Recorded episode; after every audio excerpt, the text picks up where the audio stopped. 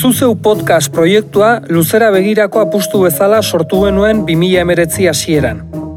Hiru saiorekin hasi ginen eta orain Euskal Gaizkileak seriarekin lau dira ekoizten ditugun podcastak. Proiektuak entzuleak ditu oinarrian eta entzuleek babesten dute proiektua bera. Horregatik sortu dugu Patreon orrialdea. Audiogintza zuri esker egiten dugulako. Patreon orrialdean hiru arpidetza mota topatuko dituzu. Aukeratu egokiena iruditzen zaizuna, zuzeu podcast komunitatera batu eta proiektua babesteko. Sartu patreon.com barra zuzeupot elbidera eta arpidetu gure edukietara.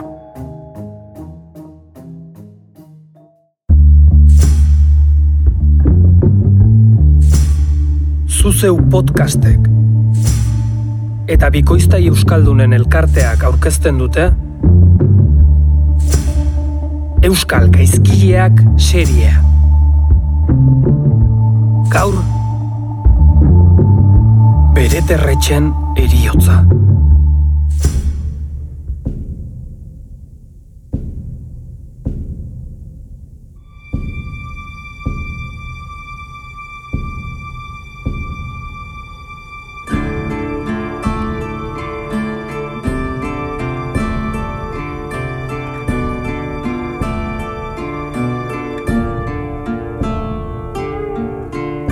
Nafarroako erresuman, handikien bi talde nagusi zeuden amabosgarren mendean. Alde batetik, agramondarrak, amabigarren mendea hasieran Nafarroako antxo zazpigarrenak sortuak. Eta bestetik, bomondarrak, Nafarroako Carlos irugarrenak bere sasiko familiarekin sortuak, eta Nafarroa behereko luxe leinuaren aliatuak. Nafarroako erresuman, oituraz, handikiek ez zuten lurraldeko jaurerririk, eta edukitzekotan ez ziren oinordetzarako. Baina Carlos Irugarrenak ohitura hori bertan bera utzi zuen eta erresuman eskubide feudalak izateko aukera eman. Horrek, agramondarren eta bomondarren arteko liskarrak azkartu zituen. Nafarroan bizi zenarekin antzekotasunak baldin bazituen ere, zuberoan ezberdina zen kontua. Nafarroa behereko hainbat familiak lortu zuten agintea, batzuren eta besteren arrimuan, Donibane garaziko eta baionakoak bezalaxe, bomondarrak eta luixetarrak ziren, mauleko gazteluzainak ere. Mila laure onda berrogei garren urtean, Luis Beaumont, Leringo kondea izendatu zuten, mauleko gazteluzain. Nik Luis Bigarrena Bomondarrak, Leringo konderriaren sortzaile eta Nafarre resumako kondestableak, zindagi tene honena emanen dudala zuberoako herritarrak zaindu eta babesteko, Jesukristo gure jaunaren laguntzaz. Baina, denek zekiten, bere izendapena, etzela herritar guztiak zaindu eta babesteko.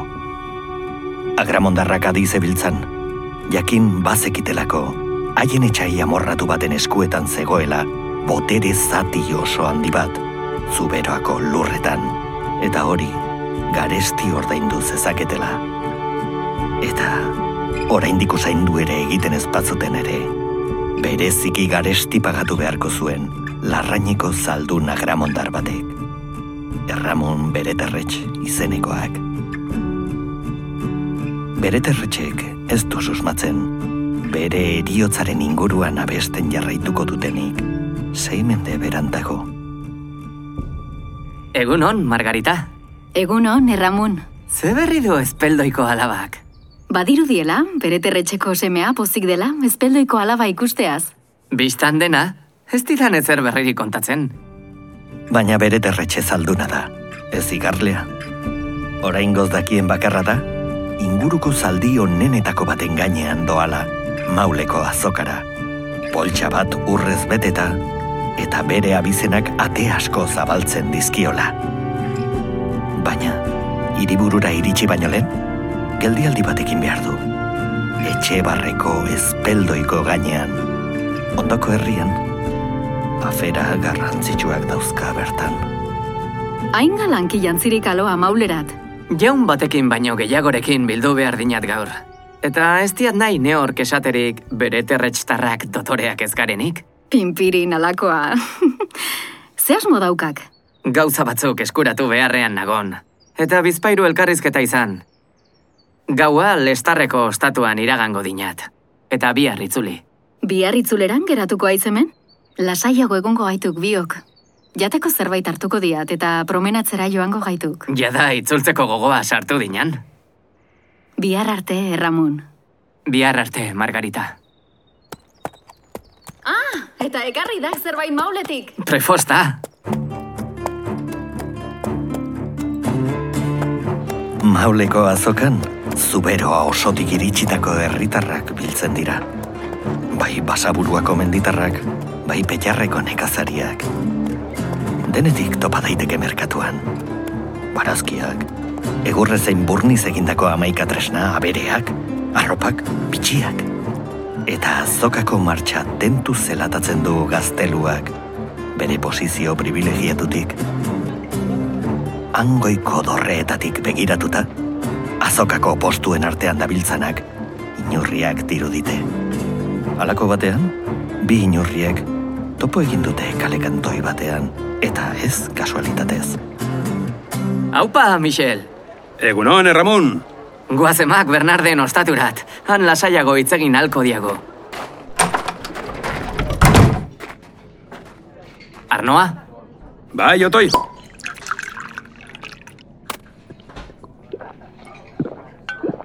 Ah, ederra zago salda hau, nongo duk? Lerin ingurukoa. Badakik, gaztelu zain berria han bueltakoa duk, eta enpeinu handia jarridik bertatik onainoko komertzio bideak auspotzen. Ba, egunero arno hau edatearen truke bomondarra bihurtu behar banauk, ala bedi. Hi beti bezain txoropito. Ea, utzi hitzak txantxak alde batera, eta saidak, ze berri dakartzak enetako, zertan zebiltzak gureak. Ez kaudek ataka erratzenean une honetan. Luxekoek eta bomondarrek ez ditek ausartz jarri leringo kontea gaztelu zain. Aurreko batzuk gehiago landu ditiztek bide diplomatikoak. Baina hau ez duk horietakoa. Honek ziurrenik, gu akabatzeko aleginak eta bi egingo dizkik. Gerrara guazak orduan? Ez, oraingoz ez behintzat. Adi bili behar diagu ez besterik. Bide komertzial ugari pasatzen dituk hemendik. Bortuz bestalde, zein biarnorat, mugimendu ekonomiko dezente zegok. Eta ez gureek, eta ez bomontarrek, ez ditek hori kolokan jarri nahi gerra bat hasita. Horrek ez dik esan nahi, bomontek mugimendurik egingo ez duenik. Ze estrategia jarraituko dik? Ziur gure leinukoak kaltetzeko neurriren bat hartuko dutela. Legala. Zergak edo estiloko zerbait.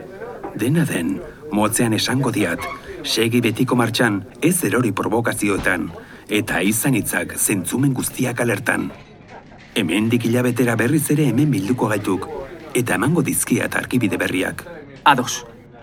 Aizak, hemendik hilabetera, gizon ezkondua izango aizia da, ezta? Bai, aski ezkontza xumea egingo diagu, bi familiak eta kitxo. Untxa, untxa.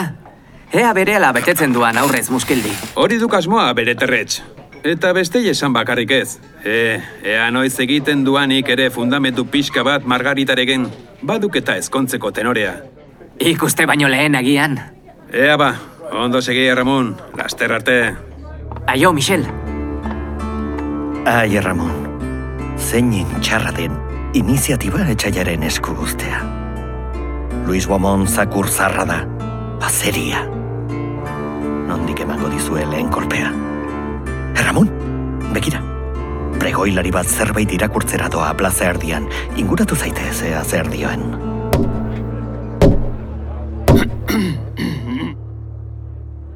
Luis Beaumont gazteluzainak jakin arazi nahi du, Luxe eta Beaumont etxe noble eta leialen izenean, berriz ere lege kristau eta loriatxu bat ezarriren duela Siberuako lurretan.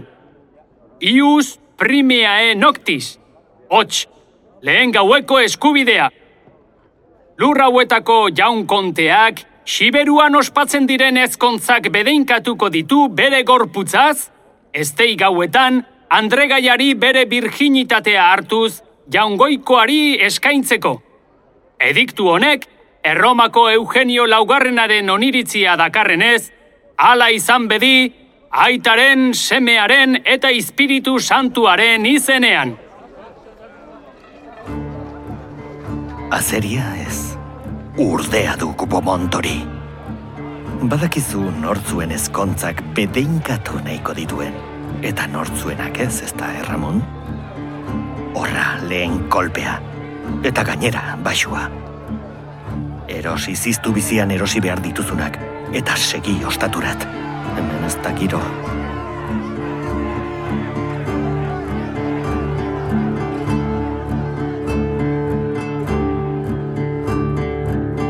Maulera joan zen baino abiadura motelagoan dator bueltan bere terretx.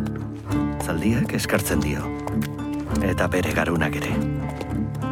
Kasik ez du zaldiak idatu ere egin behar. Primeran baitaki joan etorriko bidea. Eta bitartean, burua, ilargira joan zaio.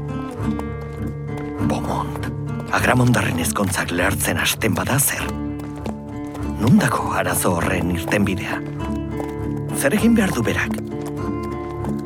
Eta horrela igaro ditu ohartu ere egin gabe, aurrena gotaine, gero mendikota ondoren ozaze, segidan aloze, jarraian liginaga. Eta konturatzerako etxe barren zegoen. Egunon, Erramun, Egunon, Margarita. etorrire naiz nirekin promenatzera? Horretara etorri nindunan mundura.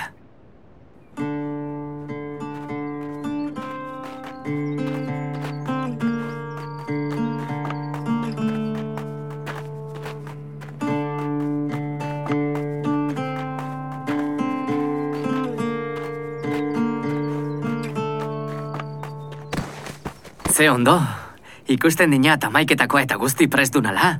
Hori da hori saskia. Arnoak, intxaurrak, sagarrak. Noski, ez dakik promenatzeak gozea ematen duela? Jakingo ez dinat ba? Ezagutzen diat abesti bat janaz eta promenatzeaz mintzo dena.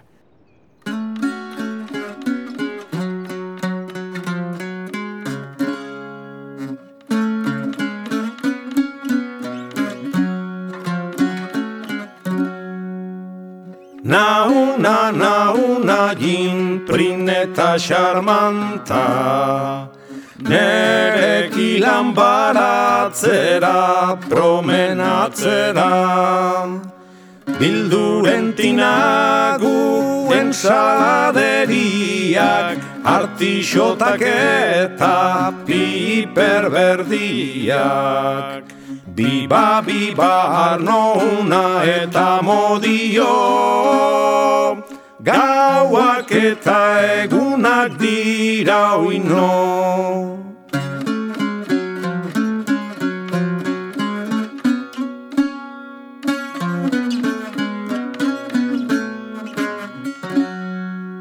Gorte egin dirot blonda charmant bati. Sekula izanen dudan ez ez dakit Bai bai izanen dut zer nahi goztarik Dugun edan arno ununtarik. Biba biba arnouna eta modio. Gauak eta egunak dira oino. Biba biba arnouna eta modio. Gauak eta egunak dira oino Nauna, nauna, jinprin eta xarmanta Nerekilan baratzera, promenatzera Erramun, zeinen ahots ez dia duan. Ahots bat ez dia izateko, berau adituko duen belarri bat behar din.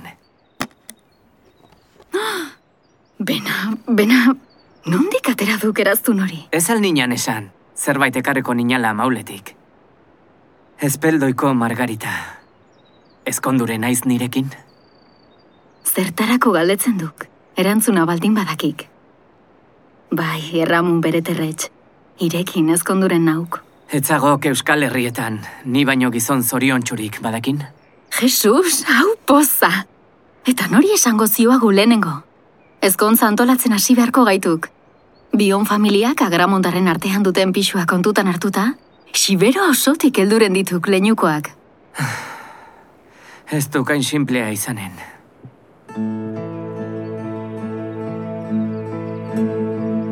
Ezkon gaiek luze hitz egin dute aritzpeko itzaletan. Eta bien artean, erabaki irmo bat hartu. Ezkonduko dira, bai, baina sekretuan. Margaritak ez du onartuko bortxatua izatea. Ez eta bere terretxeek hori nola gertatzen den ikusten geratzea, besoak gurutzatuta. Eta ez zaie arrazoirik falta, egun batzuen buruan frogatu halko duten bezala. Astelena da, eta bere terretx patxada ederrean dabil. Larraineko etxean bere zereginetan murgilduta, bapatean, arrapaladan, eta trumilka. Bere ama gelan sartu zaionean. Zerbait oso larria gertatu behar da, Mari Sanz buztano biren aurpegia horren zuri egoteko. Erramun! Ze gertatzen da, ama? Zergatik zabiltza hain larri? Berri beltzak ekarri zizkigu oraintxe bertan gure zaldunetako batek. Galopan etorri du gelditu ere egin gabe muskilditik ona. Muskilditik? Ze pasatu da? Michel? Bomondarrek. Michel Bordazarre hilditek. Nola baina? Nola trebitu dira hori ekitera? Gerra nahi badute. Gerra izanen dute. Ez ditek garbi jokatu baina. Nola garbi? Atzo izanuan Michelen ezkontza. Eta esteiak amaitu bezain pronto. Bomondarren talde bat azaldu guan bertan. Lehen gaueko eskubidea esigituz eta Andre gaia eramateko. Bertan zalduna gramondar dezente zeudean. Eta ezezkoa garbi zegoela ikusi bezain pronto. Etorri ituan tokitik egin zien alde. Baina gero, gauean... Gauean? Gauean zer? Goldarrak! Nazkagarriak! Eman aurpegi eta etorri banabanan barreni baduzue! Jendillajea!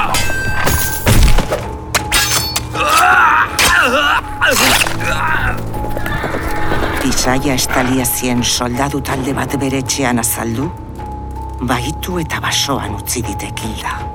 Urdeak! Urdeak! Bazekiagu bomondarrak direla. Baina ez zeukiagu frogarik hori jendaurrean ala dela baiestatzeko. Ama, Zer?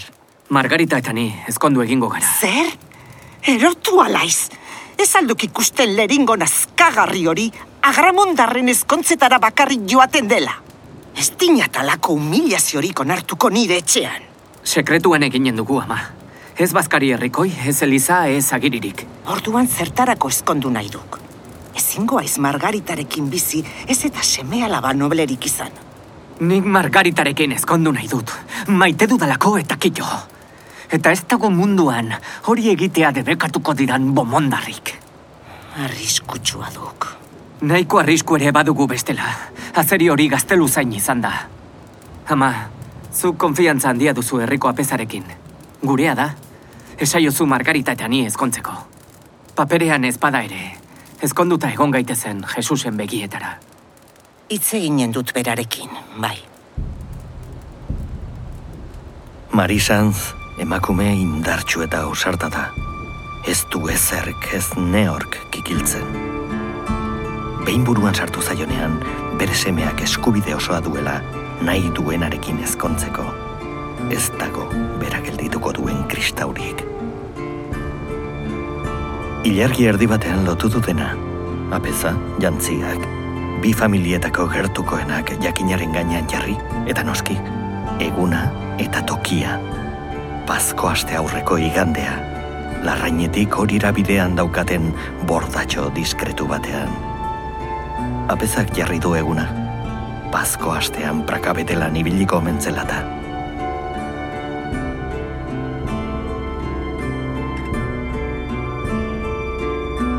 Ederra da ezkontzako giroa, simplea bezain zoragarria. Apezaren hitz gutxi batzuen ondotik, Margarita eta Erramunek elkarri eraztunak eman dizkiote. Eta ondotik, ja jaingoaren eta dena delakoen bedeinkapenekin, jendaurrean, elkarri eman izan dioten lehen musua eman diote elkarri. Goxo dute, gozo abestu eta dantza. Michelen oroimenez topa egin, eta apurka apurka, jendea bordatik jaisten hasi da. Ariketa, Margarita, Erramun, eta gaueko izarrak soilik geratu diren arte. Izarren azpian oinutxik, eta izaren azpian pilutxik, elkar hartuz, elkar urtuz, azalaren epeletan.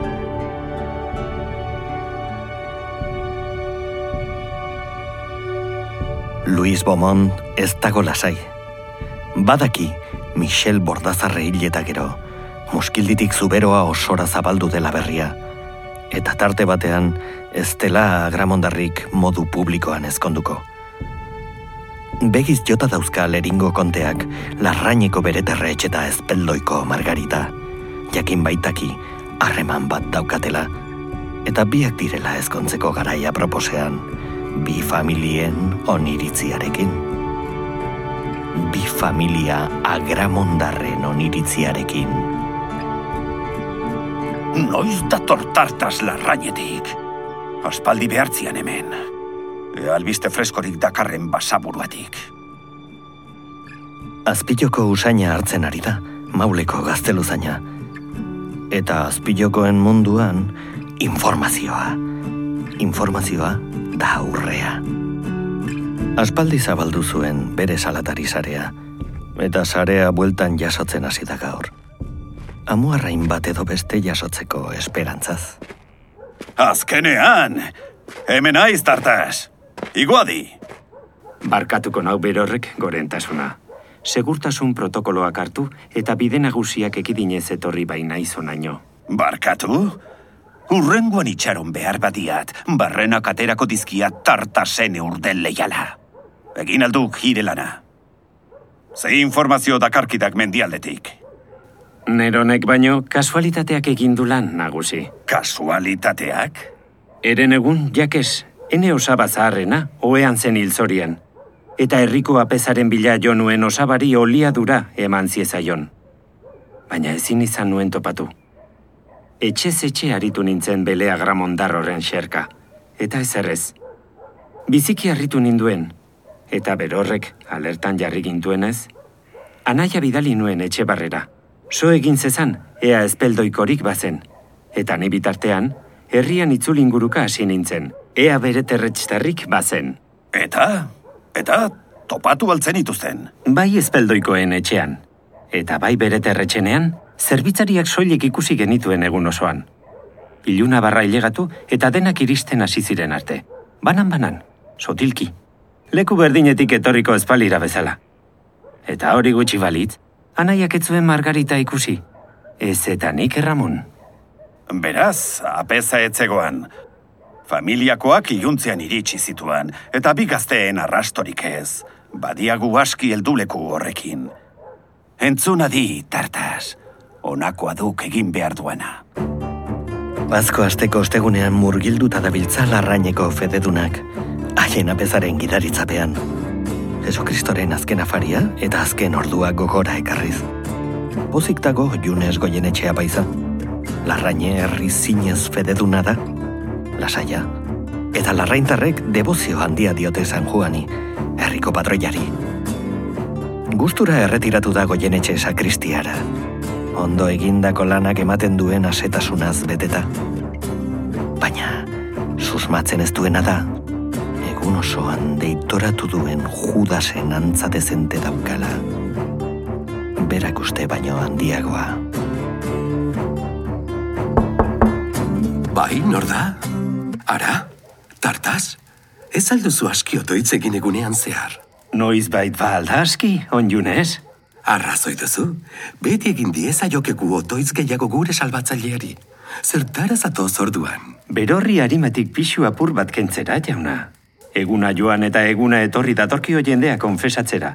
Eta larreintarren bekatu eta ardurak entzun behar izaten ditu berorrek. Bere gain hartu. Bai, ala da hori.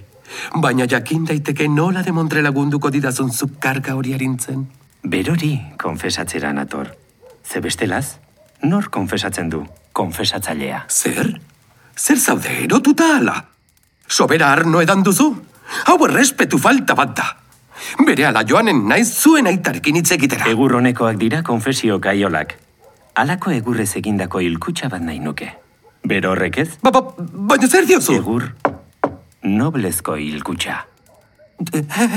Tira, lasai onjuna ez. Jakin badakit, bekatuak dauzkala, gizaseme guztien antzera. Eta asko zere lasaiego geratuko da berori nirekin karga hori banatu eta gero. Ea, kontatu berriro. Non zen igande arratsaldean. Meza eman eta gero. Gure osaba gizajoa absoluzia jaso gabe joan zen mundutik. Bai, jaunak bere altzoan gorde dezala. Enuen uste hain denbora gutxi gelditzen zitzaionik. Eta egun hartan, aspaldiko partez, paseatzera joatea erabaki nuen. Paseatzera? Iluna barrarte? Bai. Hori da hori paseatzeko gogoa. Barka bedia trabentzia, baina berorrek duen triparekin, heluke inor pentsatuko alako sasoia duenik. Ni ere, paseo bat ematen ibili nintzen igandean. Bai, ni larrainetik, eta anaia etxe barretik. Abai, eta? Zer berezirik ez? Bueno, detailetxo bat kenduta. Asko harritu ninduen bere terretxetarrik ez ikusteak. Familia handia dira. Eta igandean, etzen harimarik ere haien etxean. Zerbitzariak ez besterik. Eta kasualitatea. Anaiak esan zidanez, antzeko egoera eman zen, ezpeldoitarrenean. Ze gauza, ez da? Ez dakit, ze manera duen berorrek jendea konfesatzeko, onjunez. Nik bi erabiltzen ditut. Zilarra eta altzairua. Zilarrak baionara, darama. Andre Maria katedralera. Liburutegi handietara, bapoian eta edaten den apezetxeetara. Eta batek daki, urteen poderioz, agian apezpikutzara. Eta altzairuak. Altzairuak egur nobelezko hilkutsara. Berorrek aukera beza, on Junez. Junez? Junez? Junez baino. Judas aproposago.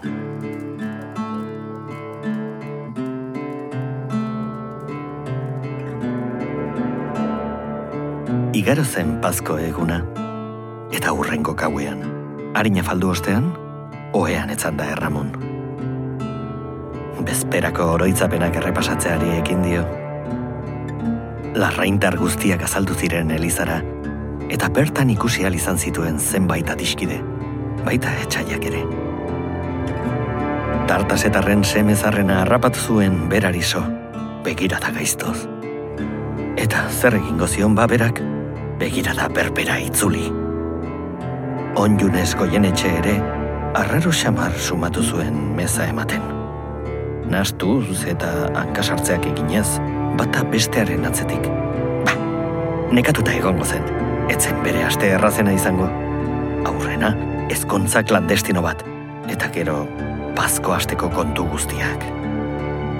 Pazko igandea, Jesu Kristo berpiztu zen eguna.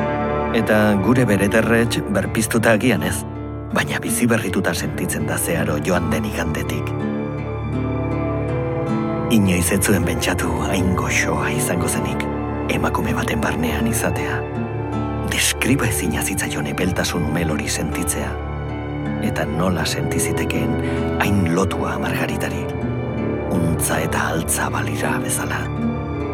Eta hori dena sentitu eta gero, bakarrik lo egin behar, kakazarra galanta. Aurrena ez dia lehen aldiz dastatu eta orain ezin gauero gozatu. Aitonak esan zion behin, maitasuna beti dela apopilo, eta bakardadea beti etxeko. Joan dadila antzarrak ferratzera aitona zena. Erramun maite minduta dago,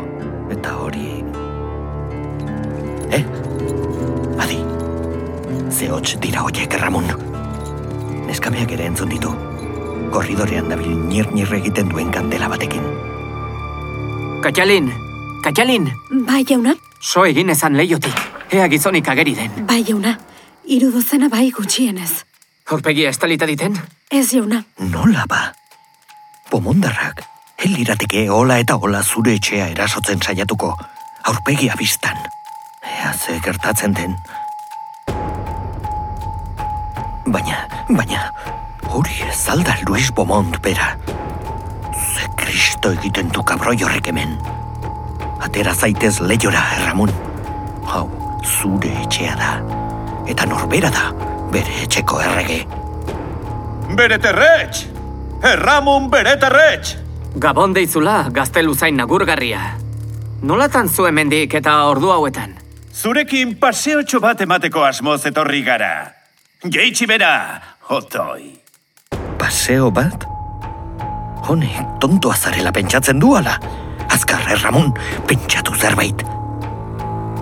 Hauek ez dira Michelekin etorri ziren bezala etorri, ezkutuan eta aurpegia tapatuta. Mauleko gaztelu zain bera etorri da, zure etxeko atarira. Aurre egiten badiezu, zu hil eta gero, familia osoa akabatu, eta etxea bomondarren bati emango die. Aldegitea lortuz gero, familia osoa akabatu, eta etxea bomondarren bati emango die. Zer egin, zer egin. Bihotzez estimatzen dut zure gonbidapena, Bomont. Baina une honetan ez taut paseatzeko gogoan dirik. Hala ere, kontutan hartuta onaino etorri zaretela preseski horretarako. Enizueke esku txik itzultzen utzi nahi. Onartuko zenituzke eun behi, beren zezen eta guzti? Zeinen eskuza balazaren bereterretx tarre, Ramon. Baina bereak ugari ditut. Eta horregatik nauzu aberats. Ez dut gehiagorik behar. Lasai, bereterretx. Jeitsi atera, eta zin egiten dizut bere ala itzuliko zarela etxera. Erramun, ze gertatzen ari duk? Nire bila datoz, ama. Azkar, ospa egintzak atzeko aldetik. Etxea inguratuta daukate.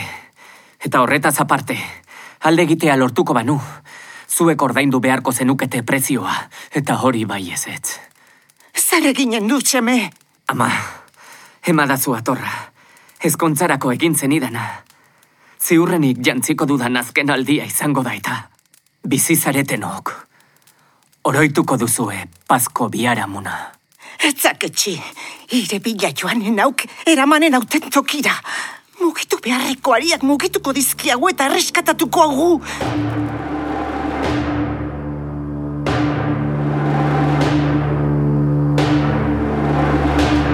Elkartu itzazu eskuak bereterretx. Eskumuturrak elkartuta erosoago joango zara. Bomont! Nora daramazu nire semea! Bomont! Itxaron lotan nahi baduzu bustan nobi anderea. Gizonak! Martxa! Kaialin! Bai, Andrea. Prestatu zanen ez aldia, fite! Zaldia? Baina, nora, nora? Oera ez!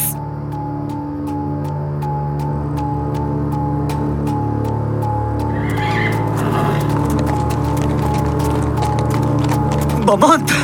Hau ligi da! Ligin gaude! Nora naramazu!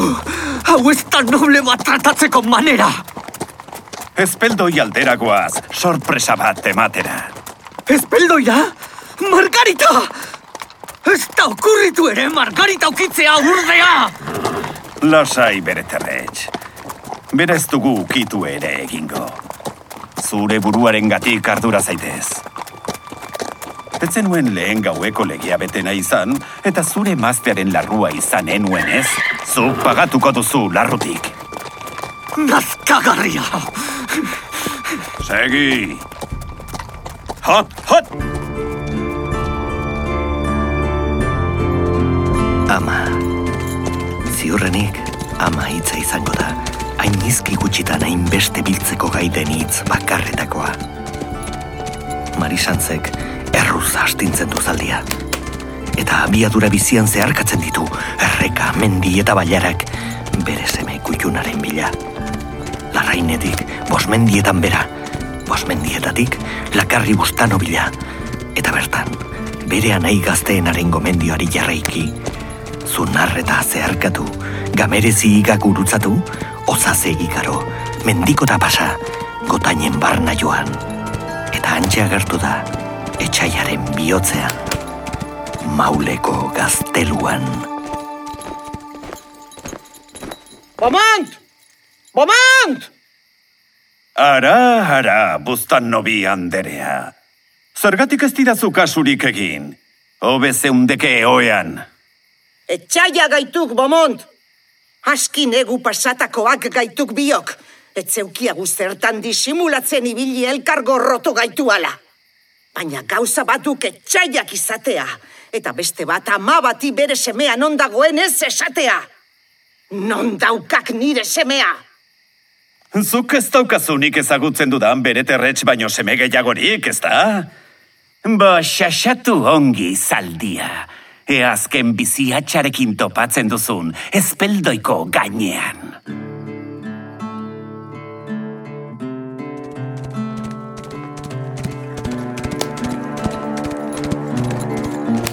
Iritsi da Mari Sanz, ezpeldoiko gainera. Eta bidean otu zaio, zehazki nora joan. Bomont bezalako maltzur baten azalean jarri da une batez. Eta pentsatu du non topa dezakeen. Pentsatu eta asmatu. Erramun bere terretx, Margarita ezpeldoiren etxeatzean hildute. Altza bati lotu eta ezpata sartuta. Badaki zuaitzari lotua zela. Sokak ikusi dituelako lurrean. Eta soken ondoan belauniko, Margarita. Esku batekin bere terretxeren burua laztantzen. Eta bestean, bere terretxeren ezkontzatorra duela, odoletan blai. Margarita. Ia larkun. Eta ni... Ni... Seme bat galtzen duen amarentzat etzegon izenik. Eta herri honetako jendila gean untzagon ba! Hildako bat muturren parean izan eta inor zirkinik ez egin jendila gea! Pasaidan aturra. Hau ez du norrela geratuko. Ez horixe. Irudozenak izonek eramantzienen esemea. Eta irudozenak izonen atorrak. Amaituko dine otoletan. Seireun urte igaro dira erramun bere terretxe hil zutela. Larraineko zalduna gramondarra. Sei mende igaro, eta bere eriotza kantatzen segitzen dugu balada zoragarri baten ahotik. Baina ez dira hitzak soilik, gaur daño iritsi zaizkigun lekukotza bakarrak. Ligira joan, eta bosmendietarako norabide hartuz gero, harri borobil handi batekin egingo duzu topo. Bertan ehortzi zuten bere tarretx.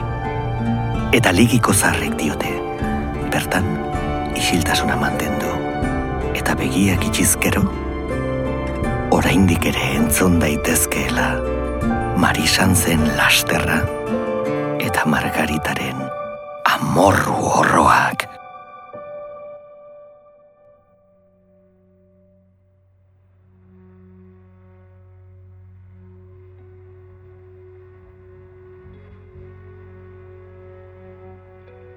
Haltzak ez du bihotzi, ez gaztan berak ezuri, enian uste eraiten ziela, aitunen txeme gezuri, enian uste eraiten ziela, aitunen seme gezure.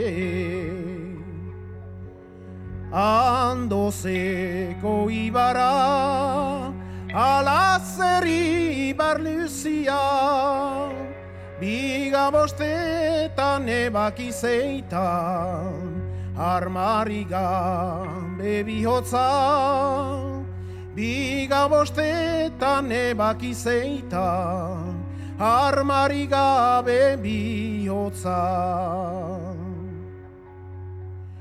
Berterretxeko hetik, neskatu ariestiki, abileta so egin ezak, gizoniden ezageri. Abileta so egin ezak, gizoniden ezageri. Neskatu abehala, ikusi zian bezala, hirodozen abazabitzala, leio bateti bestila, hirodozen abazabitzala, leio bateti bestila.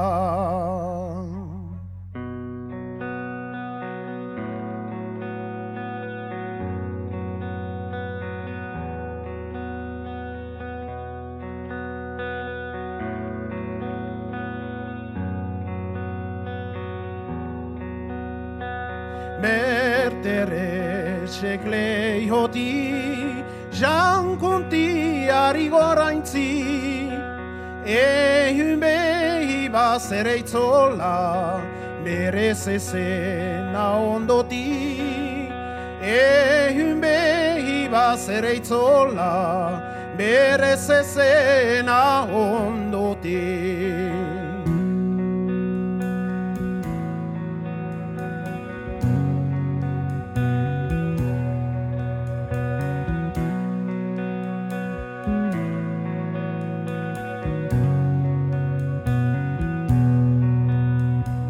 Jankuntia behala, traidore babesala, bertere txaigi bortala, utzeliren izbehala, bertere txaigi bortala, utzeliren izbehala.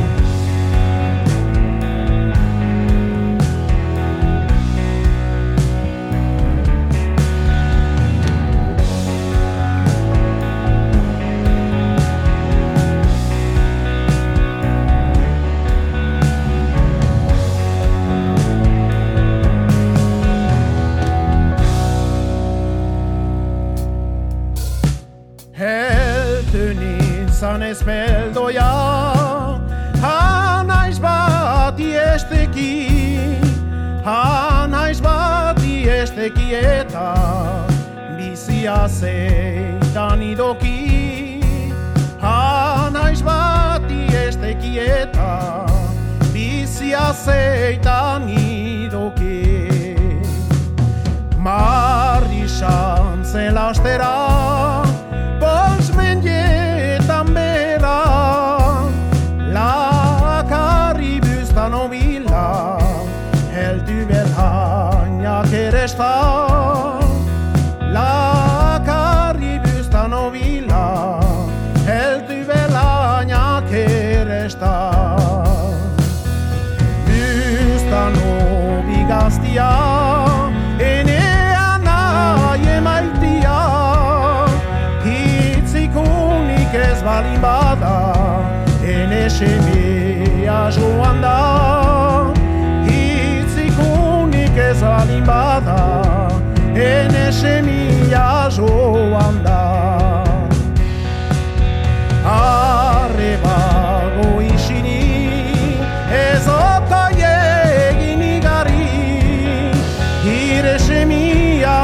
bizi balin bada Menturaz mauri ala da Hire semia bizi balin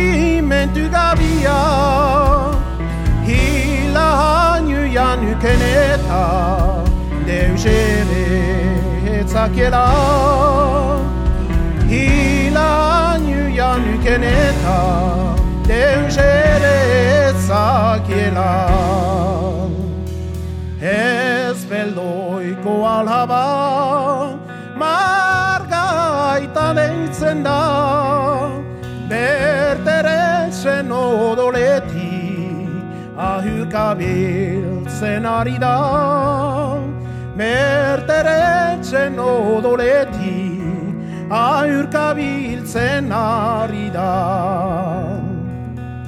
Ez beldoiko bukata ala zer bukata edera Berteretzen atorati Herodozen ayumen da atorati Herodozen ayumen da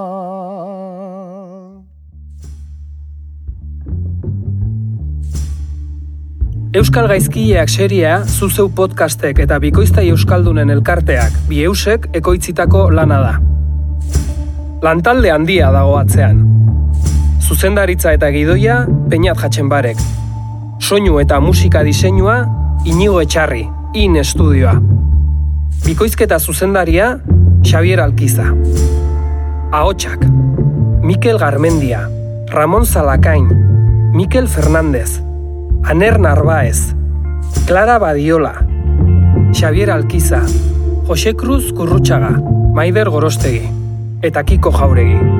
Musika, Nauna Nauna Jin kantua, irutrukuren Nafarroako kantu zaharrak albumetik. Mi esker Vicente Martínez, Joseba Tapia eta Ruper Ordorikari. Bereterretxen kantoria, Lucien Joa Larraus musikariarena, oianeko ziudainetan albumetik. Eskarrik asko Luziani ere kantu austegatik. Lau atal argitaratu ondoren, Euskal Gaizkileak seriak lau asteko geldialdi bat egingo du. Urrengo lau atalak mimoz prestatzeko. Abendu hasieran izango duzue gure berri. Jarraitu gaitzazu Twitterren abildua gaizkileak eta zuzeu podcast kontuetan edo zure audio plataforma kutxunean.